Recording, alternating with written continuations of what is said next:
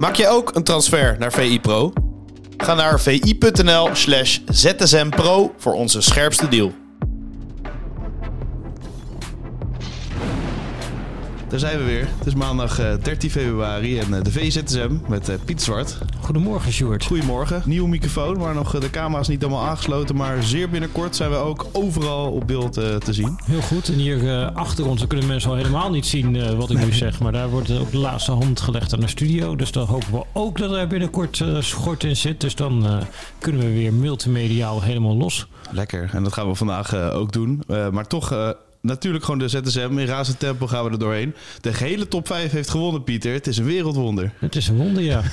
Was het, nee, is nog niet eerder gebeurd, denk ik, dit kalenderjaar. hè? Als ik zo even heel snel eh, misschien één- terugdenk. Ja, ik denk het niet, nee. Misschien in één speelronde, maar er was toen natuurlijk heel veel puntenverlies. En nu eh, ja, viel alles net eh, de goede kant op. En dat begon al eh, vrijdagavond. Dat je na AZ Excelsior, dat je eerst daar eerst kwartier denkt, nou ja. Het wordt Ben 15-0. eh, Ik ben benieuwd of ze er doorheen kunnen komen. En toen in één keer was het, eh, die eerste bal viel erin. eh, en Ruud van Nistelrooy had het natuurlijk over de ketchup-theorie. Ook weer recent naar aanleiding van Luc de Jong, die inderdaad weer scoorde.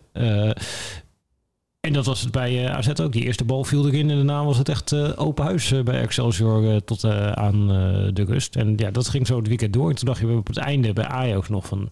Oeh, ook trouwens eerste kwartier Feyenoord, Heerenveen Ja. Feyenoord. Dat je dacht van...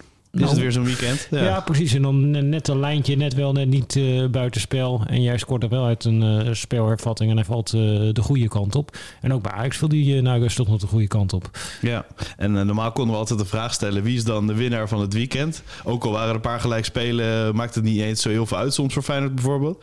Wie is nu echt de winnaar van dit weekend? Als Nou, dat is een goede vraag, maar ik denk als je gewoon kijkt naar affiches en de zwaarte van het affiche, dat dan misschien dan toch Feyenoord de winnaar van het weekend uh, is. Je hebt natuurlijk best veel gelijk gespeeld uh, de laatste tijd. En dat je dan nu in Heerenveen, ja, wat toch een lastige uitwedstrijd is, alleen... Ja, Heerenveen is natuurlijk met Amin Sar. Die hebben aanvallend wel echt uh, ja. een paar jasjes uitgedaan. Vier nederlagen op rij ook. Ja, die zitten, er niet, die zitten er niet heel lekker in. En de komende week de Friese derby. Dus dan ja, gaan we het zien tegen Cambuur. Maar ja, ik denk dat qua affiche dat het misschien de lastigste affiche was wat ertussen zat. Want er waren ook allemaal wel relatief simpele affiches. Wat denk ik ook te maken heeft met de KVB die een beetje rekening heeft gehouden met het uh, Europese programma wat er natuurlijk aan zit te komen midweeks. Ja, en misschien ook wel de grootste verliezer, hè, Feyenoord. Want uh, Urke Kuksu deed uh, zijn shirt over zijn hoofd heen. Geschorst voor de wedstrijd tegen AZ. Zo, dat is wel een zure. Want dan ga je ook meteen nadenken van... Hoe ga je het oplossen? Ja, hij kwam er eigenlijk niet zo uit. Nee, ik want de enige logische oplossing is... Oké, okay, Quinten Timber, dat is dan een, het meest vergelijkbare type. Nou, dan zit je die gewoon controleren op het middenveld. Ja. Maar dan zit je weer... Wie moet je in vredesnaam als nummer 10 uh, Dilrosun heeft hij ooit gedaan. En Tabouni heeft hij in de ja, beker die geprobeerd. heeft in de een kans gegeven. Je hebt natuurlijk nog Boulaude die... Nou ja, er nog niet helemaal in zit. Maar soms de laatste tijd een paar keer oké okay is ingevallen. Maar dan kom je bij dat soort uh, constructies uh, terecht. Maar, ja, in een topper. Ideaal is niet in een uh, nee. topwedstrijd. En er werd hem geloof ik nog gevraagd ook naar uh, Geertruiden, Arne Slot, of die uh, dat als optie zag. Maar die wilde hij natuurlijk weer liever niet weghalen uit het centrum. Nee. Dan heb je ook nog Casemiro, zou je kunnen zien als optie. Maar ik denk als je Casemiro naast uh, Wiever zet, dat het misschien een beetje te veel van hetzelfde is en te weinig uh, voetbal. Dat je wel op een van die twee plekken dat je echt een voetballer wil hebben. Dus ja, zoveel opties zijn er eigenlijk niet. Nee. Het zou nog kunnen Tabouni op die plek, maar dat is misschien wel heel licht in de wedstrijd tegen AZ. En uh, Danilo, want die zet natuurlijk heel veel, heel veel druk. Die is eigenlijk de eerste verdediger normaal. En nu is Gimenez dat ook wel, maar mm -hmm. iets minder goed daarin. Zou uh, Danilo achter Gimenez kunnen spelen? Ja, hij heeft natuurlijk een slotfase tegen PSV uh, bijvoorbeeld gedaan. Ja. Alleen ik denk niet dat je een topper op die manier gaat starten. Wat Slot eerder heeft gedaan in toppers is vooral dat hij dan eigenlijk kijkt of hij nog een middenveld extra kan versterken mm. door er eentje misschien nog aan de zijkant uh, te zetten. Uh, met Simanski ja, bijvoorbeeld. Met Simanski heeft hij dat een paar keer gedaan in uh, topwedstrijden. Dus dat, dat ligt eerder nog voor de hand dan de, dat die optie voor de hand ligt van nou we gaan twee spitsen opstellen. Want AZ heeft natuurlijk op het middenveld met Klaasie, Reinders uh, en nu stond Mijnans uh, op 10. Maar daar, daar is natuurlijk ook heel veel voetbal. Je wil daar eigenlijk niet een mannetje tekort komen op dat middenveld uh, tegen die drie. en de vorige keer speelde hij eigenlijk met de punten achter tegen AZ met Simanski. Toen hang het op rechts, zodat hij eigenlijk een beetje mannetje voor mannetje kon gaan op het middenveld. Nou ja, als je die constructie hebt, dan zou je een soort van wiever als controleur en dan ja, twee jongens uh, ervoor die dan ook uh, kunnen lopen. Maar wie dat dan zouden moeten zijn, dat is uh, nog niet zo heel eenvoudig. Ja, misschien dus inderdaad Deel Gozen, dat je dan Ali Reza terugzet aan de zijkant. Dat zou misschien de oplossing zijn waarbij je het minst hoeft te wijzigen.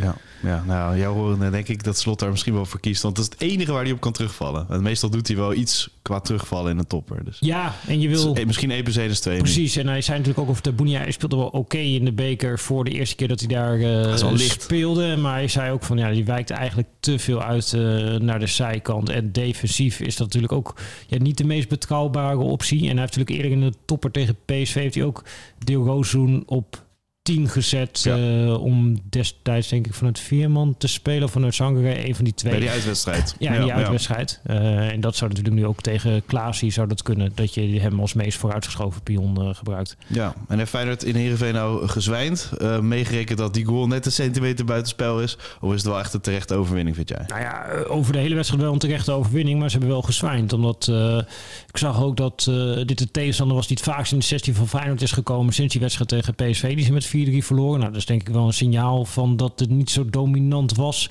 als dat Feyenoord eigenlijk graag gewild had. En dat geluk dat Sar weg is, dat het niet uh, geprofiteerd wordt. En het, het, valt natuurlijk ook niet helemaal los te zien van die uh, midweekse bekerwedstrijd waar je nog een verlenging achteraan hebt. Uh, en dat je dan nu nog een keer moet. Dus ik denk dat wat dat betreft Feyenoord blij zou zijn dat zij die, ja, doordat ze net eerste zijn geworden in die groep, dat je nu die tussenronde overslaat. Want ja. dan speel je ook op een andere manier, speel je nu die toppen. Je hebt gewoon een hele week om je voor te bereiden op die topper op zaterdagavond. Dus uh, en ja, dan gaan we weer echt uh, beweging zien in de top uh, van de Eredivisie. Zeker. En bij Ajax, die hebben veerkracht getoond. Dat was onder Alfred Schreuder niet altijd het geval. Nu wel echt tegen RKC. Trouwens, hele mooie goal hè, waar RKC mee begint. Dat was Zeker. echt klassevoetbal. Maar die waren de eerste helft Die hadden echt Ajax ontregeld met hun 3-5-2. Ja. En ja, bij rust zette hij te gaan wat om. Ik krijg ook de indruk bij de typische opzetting van dat dan op de bank, weet je wel, gaan worden met magneetjes geschoven. En dan komt dit eruit. Is waarschijnlijk, ik kan me niet voorstellen dat hij opgetreden is. Want zij speelde op een gegeven moment eigenlijk gewoon met uh, Bobby naast Adis in de spits. Berghuis in één keer als rechtsbuiten, Kudus erachter als tien. En dan Wijndal als enige ongeveer op die uh, linker uh, flank. Dat heeft hij uh, niet op donderdag gezegd, jongens, dit gaan we even doen. nee, precies. Nee. en dat, dat, wat dat betreft, kijk, die eerste optie werkt natuurlijk totaal niet. En wat dan eigenlijk hè, zijn vaste opstelling was. En nu ga je richting uh, Union Berlin, wat ook met drie uh, achterin speelt. Ja, dat, Ideale die, test, of niet? Dan. Ja, en tegelijkertijd, omdat juist de, deze variant werkt, ja, is toch ingewikkeld. Want ga je dan met Bobby na Stadis beginnen tegen Union? Ja, dat weet ik niet of je dat uh, aandurft. Dus dat is best... dat, dat juist hetgene wat goed werkte, hetgene is waarvan je denkt ik weet niet of ik al zo durf uh, te beginnen. Dat is wel. Uh, nou, dat geeft in ieder geval stof tot nadenken in uh, Amsterdam. Maar dit Ajax heeft nu wel wat overzicht van. Dit komt wel goed, toch? In plaats van. Ah, ik zie dit wel misgaan. Nou, of zag je tegen RKC het wel misgaan? Mm, ja, zag ik wel eigenlijk wel misgaan, ja. Omdat.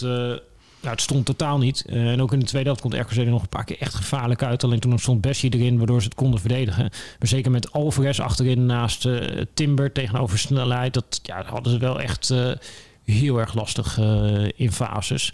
En je zag ook gewoon dat ze moeilijk hadden met uh, dat systeem te bespelen. Dus uh, ja, het was niet een wedstrijd waarvan ik per definitie dacht, die, die hmm. gaat goed uh, vallen. Maar dan heb je net zo'n uh, die, ja. waar ze even staan te slapen bij stappen met uh, RKC. En dan kom je toch weer terug. En je ziet natuurlijk bij Ajax dat er voorin heel veel individuele klassen staat. Dus je ziet hoe balvast statisch is in die spits. Uh, Brobby kan natuurlijk toch een doelpuntje maken.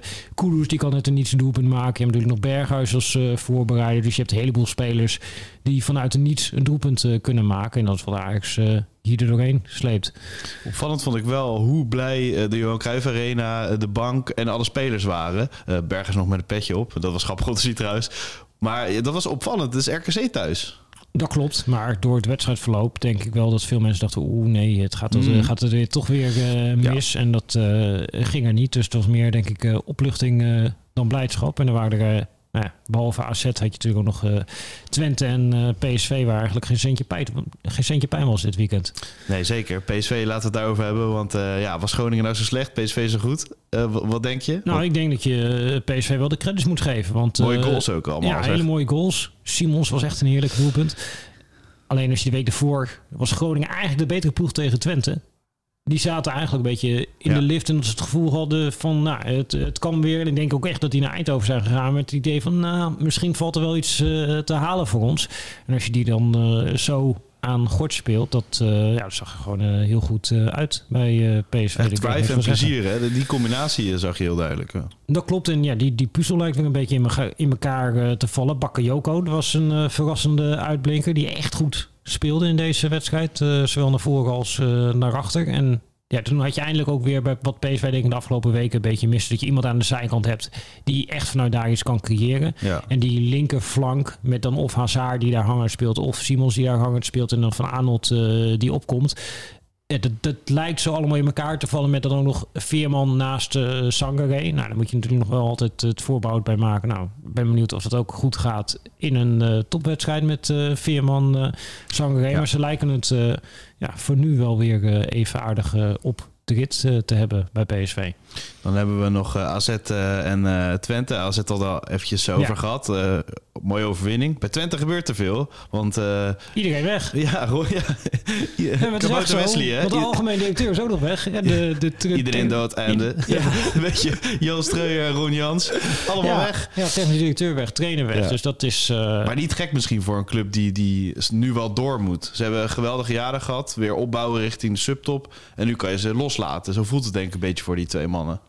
Ja, en tegelijkertijd... Dat het is ook weer niet een heel goed signaal dat, dat de hele top van je club, dus algemeen directeur, dat weet je al een tijdje. Ja, ze ook niet een door tijdje aan het zo. zoeken. Nee, ja. En nee, je hebt natuurlijk nog die eh, afspraken met eh, de gemeente, waardoor als je nu zou gaan catchen op een paar van je sterkhouders, dat je het waarschijnlijk niet heel erg kan herinvesteren. Dus misschien dat... Zei ze, je denkt dat ze Nou ja. erbij eh, voelen hangen of zo? Nou ja, dat is, was natuurlijk ook wel de uitleg van Jans, dat hij Ja. zei van... Ik ben nu, kan ik weggaan op een hoogtepunt door de voordeur. En ik heb ooit beperkt de fout ge- gemaakt om eigenlijk eh, te lang door eh, Hm. te gaan. Dus misschien hebben ze ook wel het gevoel van, nou ja, de kans is best aanwezig dat het na dit jaar minder wordt. En dat wordt natuurlijk lastig om het sowieso na dit jaar eh, beter Ja. te doen. En Want, Jan Streuer is 70. Ron Jansen zou nog kunnen zeggen, kan nog even door. Maar ja, ja, Streuer hoeft ook echt niet meer. nee, dat klopt, dat klopt. Dus nou, dat wordt wel eh, interessant om te volgen waar die eh, ja, club nu naartoe gaat en welke keuzes eh, ze gaan maken. Want er worden allerlei namen genoemd. Arnold Brugge is natuurlijk al lange tijd in gesprek om die functie over te nemen. Maar die zegt ook nadrukkelijk, ik wil er niet in mijn eentje doen. En je ziet tegenwoordig steeds meer dat dat soort functies opgesplitst worden. Dus en die hele club staat wel op een interessant kruispunt nu. En ja, ja, eigenlijk de, de hoop die ze natuurlijk hadden van kampioen, dat, dat gaat hem ook niet meer worden eh, dit eh, seizoen. Beker Nee. liggen ze uit. Dus ja, dat kan ook zo in één keer eh, een nachtkaarsverhaal gaan worden bij Twente. Playoffs.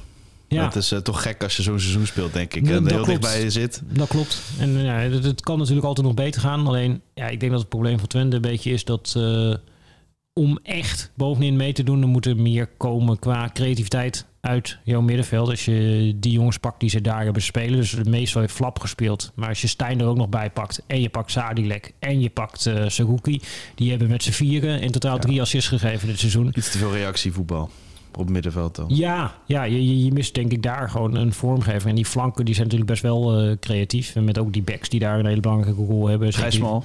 Gijs Smal. Ben je En fan was van? trouwens- Ja, ben ik fan van. Was heel slecht trouwens tegen eh, Volendam. Dan moet je er ook, eh, die, die zat er totaal niet in. Die begon op een gegeven moment ook echt tegen zichzelf te voetballen. Pieter, dat je dat ook zegt. Ja, die begon op een gegeven moment echt een beetje tegen zichzelf eh, te voetballen. Maar toen was Prupper was in één keer weer heel goed. Maar er moet heel veel vanuit die eh, verdediging ook wel komen. Ook qua creativiteit. En dan heb je Ja. natuurlijk nog Misitjan en eh Czerny. Maar daarachter zit ook weinig kwaliteit. En Van Wolfswinkel heeft ook niet zijn allerbeste seizoen. En dan is dat net ja, te weinig om mee te doen om de titel, denk ik. Een paar weken geleden hadden we het nog over eh, Twente titelkandidaat. Misschien hebben we het bij VI niet zo eh, genoemd hoor. Nee, ik maar geloof... het ging erover in de media, laat ik het zo zeggen. Dat klopt, ja. En ja, maar ik denk dat juist zeg maar, in die wedstrijd tegen Twente, waarna dat gebeurde, tegen Ajax, waarna dat gebeurde, na die wedstrijd in de Johan Cruijff Arena, waar ze het eerste half uur heel veel indruk maakte, dat je in die wedstrijd al zag waarom het niet kon. Namelijk dat op het moment dat Ajax met tien man gewoon op eigen helft gaat staan, Moet je 0-2 winnen uiteindelijk. En dan, eh, dan ze, je mee. dat ze er dan niet doorheen kunnen voetballen. En dat ze Ja. goed zijn op het moment dat ze druk kunnen zetten en ze krijgen wat ruimte. En dan is dit Twente echt een hele goede ploeg. En je wint niet makkelijk van dit Twente. Alleen dit Twente wint ook niet makkelijk van jou. En dat is toch wel een kwaliteit die een titelkandidaat denk ik eh, moet hebben. Nee, zeker. Ehm, denk je dat Feyenoord als Strooijen denkt of niet? Want Dat lijkt me niet. Nee, toch? Nee. Want eh, ik, ik, eh, Pierre van Hooydonk suggereerde het in studio voetbal volgens mij. Die kan Feyenoord goed gebruiken. Maar toen dacht ik, ze hebben afscheid genomen van Arnes... omdat ze een jongere TD of een technisch manager eigenlijk wilden hebben. Nou, dat, die twee dingen, dat staat hem denk ik niet heel goed, die rol. Dat, eh, dat lijkt me ook niet. Nee, dat, dat lijkt me een beetje uit de lucht gegrepen dat het eh, die kant op zou gaan. Ja, volgens mij zijn ze bij Feyenoord een beetje aan het kijken naar een andere structuur om het in te richten. Het gaat nog even duren. En eh, op VI.nl trouwens, het meest gelezen. Alfred Scheuder, eh, die eh, naar Leeds kan. Die is doorgeschakeld nadat Slot niet bij Feyenoord los te weken is. Ja, grappig hoe zoiets gaat. Andere het- Nederlandse trainer, ja. Nee, Hoe maar, kom je ja, terecht? maar ook het, het, hoe het uitlekte. Hij, hij kwam in één keer heel hoog te staan bij de boekmakers. Volgens mij was het Skybet of zo. En nou, dat, dat, Dat gebeurde eerst voordat het uit ging dat, dat gebeurde voordat... Ah. En toen gingen we, hebben we contact gezocht met Alfred Scheuder. Eh, en nou, toen vingen we dus, eh, zoals het heet, in, in de entourage signalen op dat hij op dat moment in Leeds was. En hij is natuurlijk ook gespot eh, bij die wedstrijd. En zo kwam toen het nieuws naar buiten. Maar het begon inderdaad met dat hij in één keer hoog stond bij de boekmakers. Die op de, op de een of andere manier opgevangen hebben. Heeft dat, hij contact eh, met de boekmakers? Of? ja, ge- ja geen, geen idee hoe Nee. dan zoiets bij een boekmaker eh terecht komt. kan natuurlijk ook zijn dat ja, wat mensen misschien met voorkennis... dat die daar dan op beginnen in te zetten of Ja, zo. Dat ja. is eh, opmerkelijk. Maar goed, ze hebben een heel lijstje kandidaten daar al eh, gehad bij Leeds. En nu lijken ze dus bij eh Scheuder uit Ja, die is te vrij. komen. Ja, Dus die is vrij. En dat was inderdaad het probleem met die andere kandidaten. Dus de trainer van eh Vallecano hebben ze natuurlijk geprobeerd. De trainer van eh Feyenoord hebben ze geprobeerd. Ze hebben nog eh, de trainer van River Plate ook geprobeerd. Maar die eh, leek niet nu in te willen stappen bij een ploeg die ja, op het punt van degraderen staat. En dat is eigenlijk hetzelfde wat je bijvoorbeeld bij eh, Everton hebt gezien eerder eh, in de winter. Dat ja, veel trainers zijn toch wel huiverig om daar dan even in te stappen en te denken, nou, die hou ik er wel in.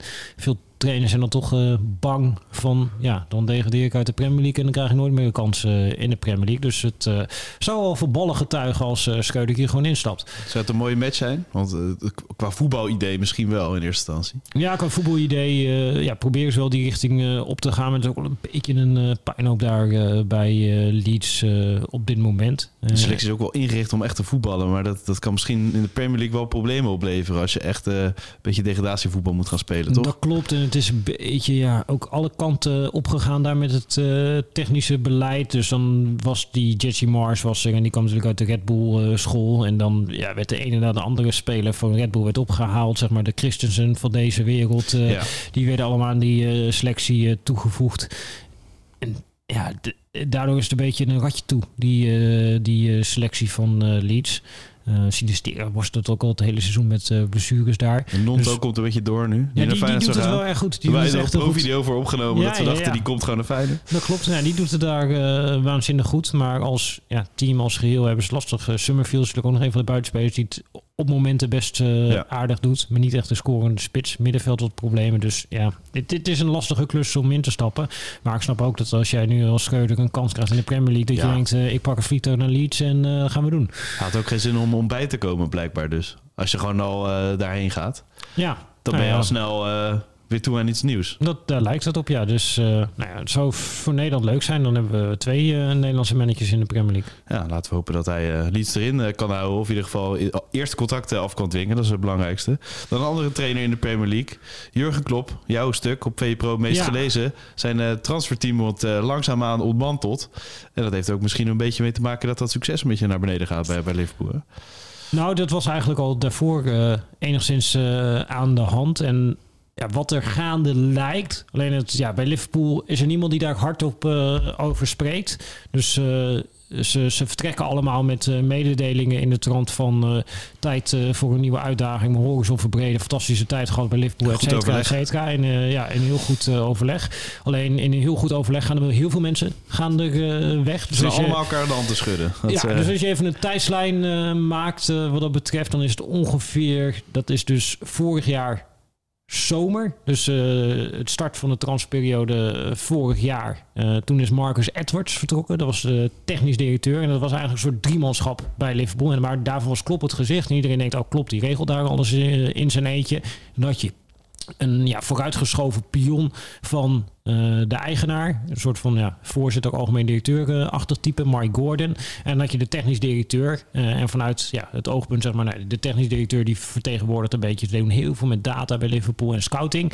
Uh, dan had je Klopp, die keek met name een beetje naar karakter. Past die bij de groep zoals we die op dit moment willen hebben? En dan die andere man namens de eigenaar, die Gordon, die keek naar het financiële plaatje. en ja, met die uitgangspunten zijn ze jarenlang heel erg succesvol geweest. technisch hard, dat kan. Ja, dus eigenlijk inderdaad, ja, je zou het een technisch hardachtige constructie uh, kunnen noemen. Uh, en ja, dus dat, dat, was, uh, dat was de constructie. En die Edwards, die stapt op een gegeven moment stapt hij dus op. Nou, dat nieuws kwam naar buiten. Vlak nadat de contractverlenging van Henderson werd aangekondigd. En wat je een beetje terug hoort, is dat er oneenigheid is ontstaan binnen het technisch hart, uh, zoals je het uh, hmm. net uh, omschreef, over ja, wat gaan we nou doen met die successelectie die wij hebben. En het lijkt erop dat de ja, technisch verantwoordelijke, dus de technisch directeur, dat die zoiets heeft gehad van ja, we moeten sneller dat team gaan verversen. maar toen heeft onder andere Henderson heeft een nieuw contract gekregen, maar ook Salah afgelopen zomer heeft een Henderson staat een beetje een symbool voor de oude selectie. Precies, ja, die, die dan toch weer nieuwe contracten kregen. Waar dan anderen misschien waren van de politiek meer verversen. Nou, wat speelt ook nog mee daarbij uh, bij Liverpool? En dat is allemaal een beetje ja, buiten beeld gebleven. Maar je hebt natuurlijk de Super League gehad. En daar was die eigenaar was een van de mensen die daarop poeste. Nou, dat is weer een van de redenen geweest dat die algemeen directeur op een gegeven moment uh, dat die uh, eruit is gevlogen en een stap opzij heeft gedaan. En dat was in november van dit jaar. En toen was de nieuwe technisch directeur. Ja, november vorig jaar. Ja, oh, ja, precies. Ja, precies van, van dit seizoen. Uh, en dus toen was een nieuwe technisch directeur, Julian Ward, die afgelopen week weer genoemd werd bij Ajax. Die was hm. toen drie, vier maanden bezig. En die heeft toen ook gezegd, ik kap ermee. ja. niet, zonder reden. en dan hadden ze ook nog een director of research... die, die dat hele gedeelte van het uh, data oppakte. En rond diezelfde periode liet hij ook weten... aan het eind van het seizoen de kap ik ermee. Ja, als op een gegeven moment dan en Jalgem en Klop kreeg in dezelfde periode een meerjarig uh, nieuw contract. Ja, je krijgt een beetje het gevoel dat, zeg maar, dat, dat de sleutels van de club heel erg in de handen van Klop zijn gelegd. Terwijl, nou, daarom ook die kop uh, transferteam erachter is mantel. Dat, dat transferteam dat ook een belangrijk aandeel heeft gehad uh, in die successen. Door eigenlijk alleen maar voltreffers te scoren op de transfermarkt. Ja, die op een gegeven moment steeds meer ja, genegeerd lijken te worden. En dan blijkt ja, klopt zo zien. Wat bijvoorbeeld een bekend verhaal is, wat ik ook in heb gezet, uh, is de transfer van Mo Salah. In die zomer wilde Jurgen Klopp, die wilde eigenlijk Julian Brandt hebben. Kennen die uit de Bundesliga, uh, Duitser. En toen heeft die Edwards heeft er doorheen geduwd uh, dat het toch Mo Salah moest worden. Ja, dus nu ongeveer de topscorer alle tijden uh, van Liverpool. En Julian Brandt, in de, een iets wat flegmatieke speler geworden. Ja, precies. Die altijd in de Bundesliga is blijven hangen. En zo ja. zijn er een paar van die cruciale beslissingen geweest... waar eigenlijk die TD dingen erdoor heeft kunnen duwen. Uh, maar omdat Klopp zoveel succes heeft gehad, uh, heeft hij op een gegeven moment steeds meer sleutels in handen gekregen. En daarmee, ja, eigenlijk lijkt het een beetje op dat hij daarmee ook zijn eigen ondergang heeft ingeleid door eigenlijk te ja. veel zeggenschap naar zichzelf toe te trekken. En ja, dat is natuurlijk. Ja, Liverpool we krijgt allemaal mee dat ze ergens rond de middenboot uh, staan. Maar dit is wel een verhaal wat uh, op de achtergrond uh, bij Liverpool speelt. En wat natuurlijk extra interessant is nu ja, die Ward bijvoorbeeld in één keer genoemd wordt bij Ajax. Ja, en gaat het inderdaad leiden tot het vertrek van Klopp, denk je, na dit seizoen? Ja, ik weet niet of dat na dit seizoen is, maar je krijgt wel de indruk dat het is heel. Hij heeft het één keer eerder na een heel slecht seizoen heeft hij het kunnen keren bij uh, Liverpool, maar je krijgt wel het idee dat het eindig is. En dit is ook precies zeg maar de reden waarom bijvoorbeeld uh, Pep Guardiola bij Barcelona vertrok. Dat als je zo'n succesvol team hebt en je moet dat gaan ontmantelen en opnieuw opbouwen, als jij je moet eigenlijk totaal niet op de relatie zitten en heel zakelijk erin te kunnen staan uh, ja. om dat te kunnen doen. Soms een uh, nieuwe man voor nodig, hè? Ja, en ik denk ja. dat klopt te veel houdt van zijn spelers om ja. die spelers uh, daadwerkelijk te gaan uh, vervangen. Bij Noldem is natuurlijk ook, is ook heel veel discussie intern geweest van ja, gaan we die een nieuw contract geven, geen nieuw contract. Nou, die heeft hem dan uiteindelijk niet gekregen. En als je dan kijkt wat er daarna met Wijnaldum is gebeurd, is dat misschien wel de juiste beslissing. Maar dat is bijvoorbeeld iets wat de vervanger daarvoor, een middenvelder die jong is en die dynamiek heeft, ja, die, dat is ook niet gekomen. En dat, daar heeft Liverpool denk ik ook al behoefte aan. En een schakpo gehaald onder het oude regime, een nieuw regime, voor het Ja, van dus Klop. een- ja, nou ja, een nieuw regime. eh, in de periode dus dat de TD eigenlijk al had aangekondigd dat hij na dit seizoen eh, ging eh, vertrekken. Eh, dus ja, dat is een van de aankopen van het eh, nieuwe regime. Net als eh. Eh, ook een aankoop eh, van een nieuw regime. En ja, tot nu toe zijn ook de aankopen van een nieuw regime. Daar kun je wel wat vraagtekens eh, bij Helaas zetten. ook bij Gakpo, tot nu Ja, toe. ja, maar die is natuurlijk het is heel lastig om in een slecht draaiend team eh, Nee, te zeker. komen. En ik zie hem vaak als eh spits, rechtsbuiten. Hij speelt eigenlijk overal voor mijn gevoel, behalve op de plek waar hij natuurlijk zich het fijn voelt. En als dan de hele elftal niet draait, dan is het ja, lastig. Vanavond de Merseyside derby. Ideale timing dit. Zeker, dus nou, er zijn mensen bijgepraat over de achtergrond. En ja, het wordt voor Liverpool wel een moment om het seizoen nog een beetje om te keren en eh, glans te geven. Dus eh misschien staat het tijd. op het spel. En misschien de tijd voor een helder rol van eh, Cody Gakpo Dat zou toch mooi zijn. vanavond. Laten we daarop hopen. Dan gaan we daar morgen over eh, in de ZSM eh, weer over hebben, Pieter. Ja. Dan eh, dankjewel voor je tijd. Tot ZSM. Tot ZSM. Maak je ook een transfer naar VI Pro? Ga naar vi.nl slash zsmpro voor onze scherpste deal.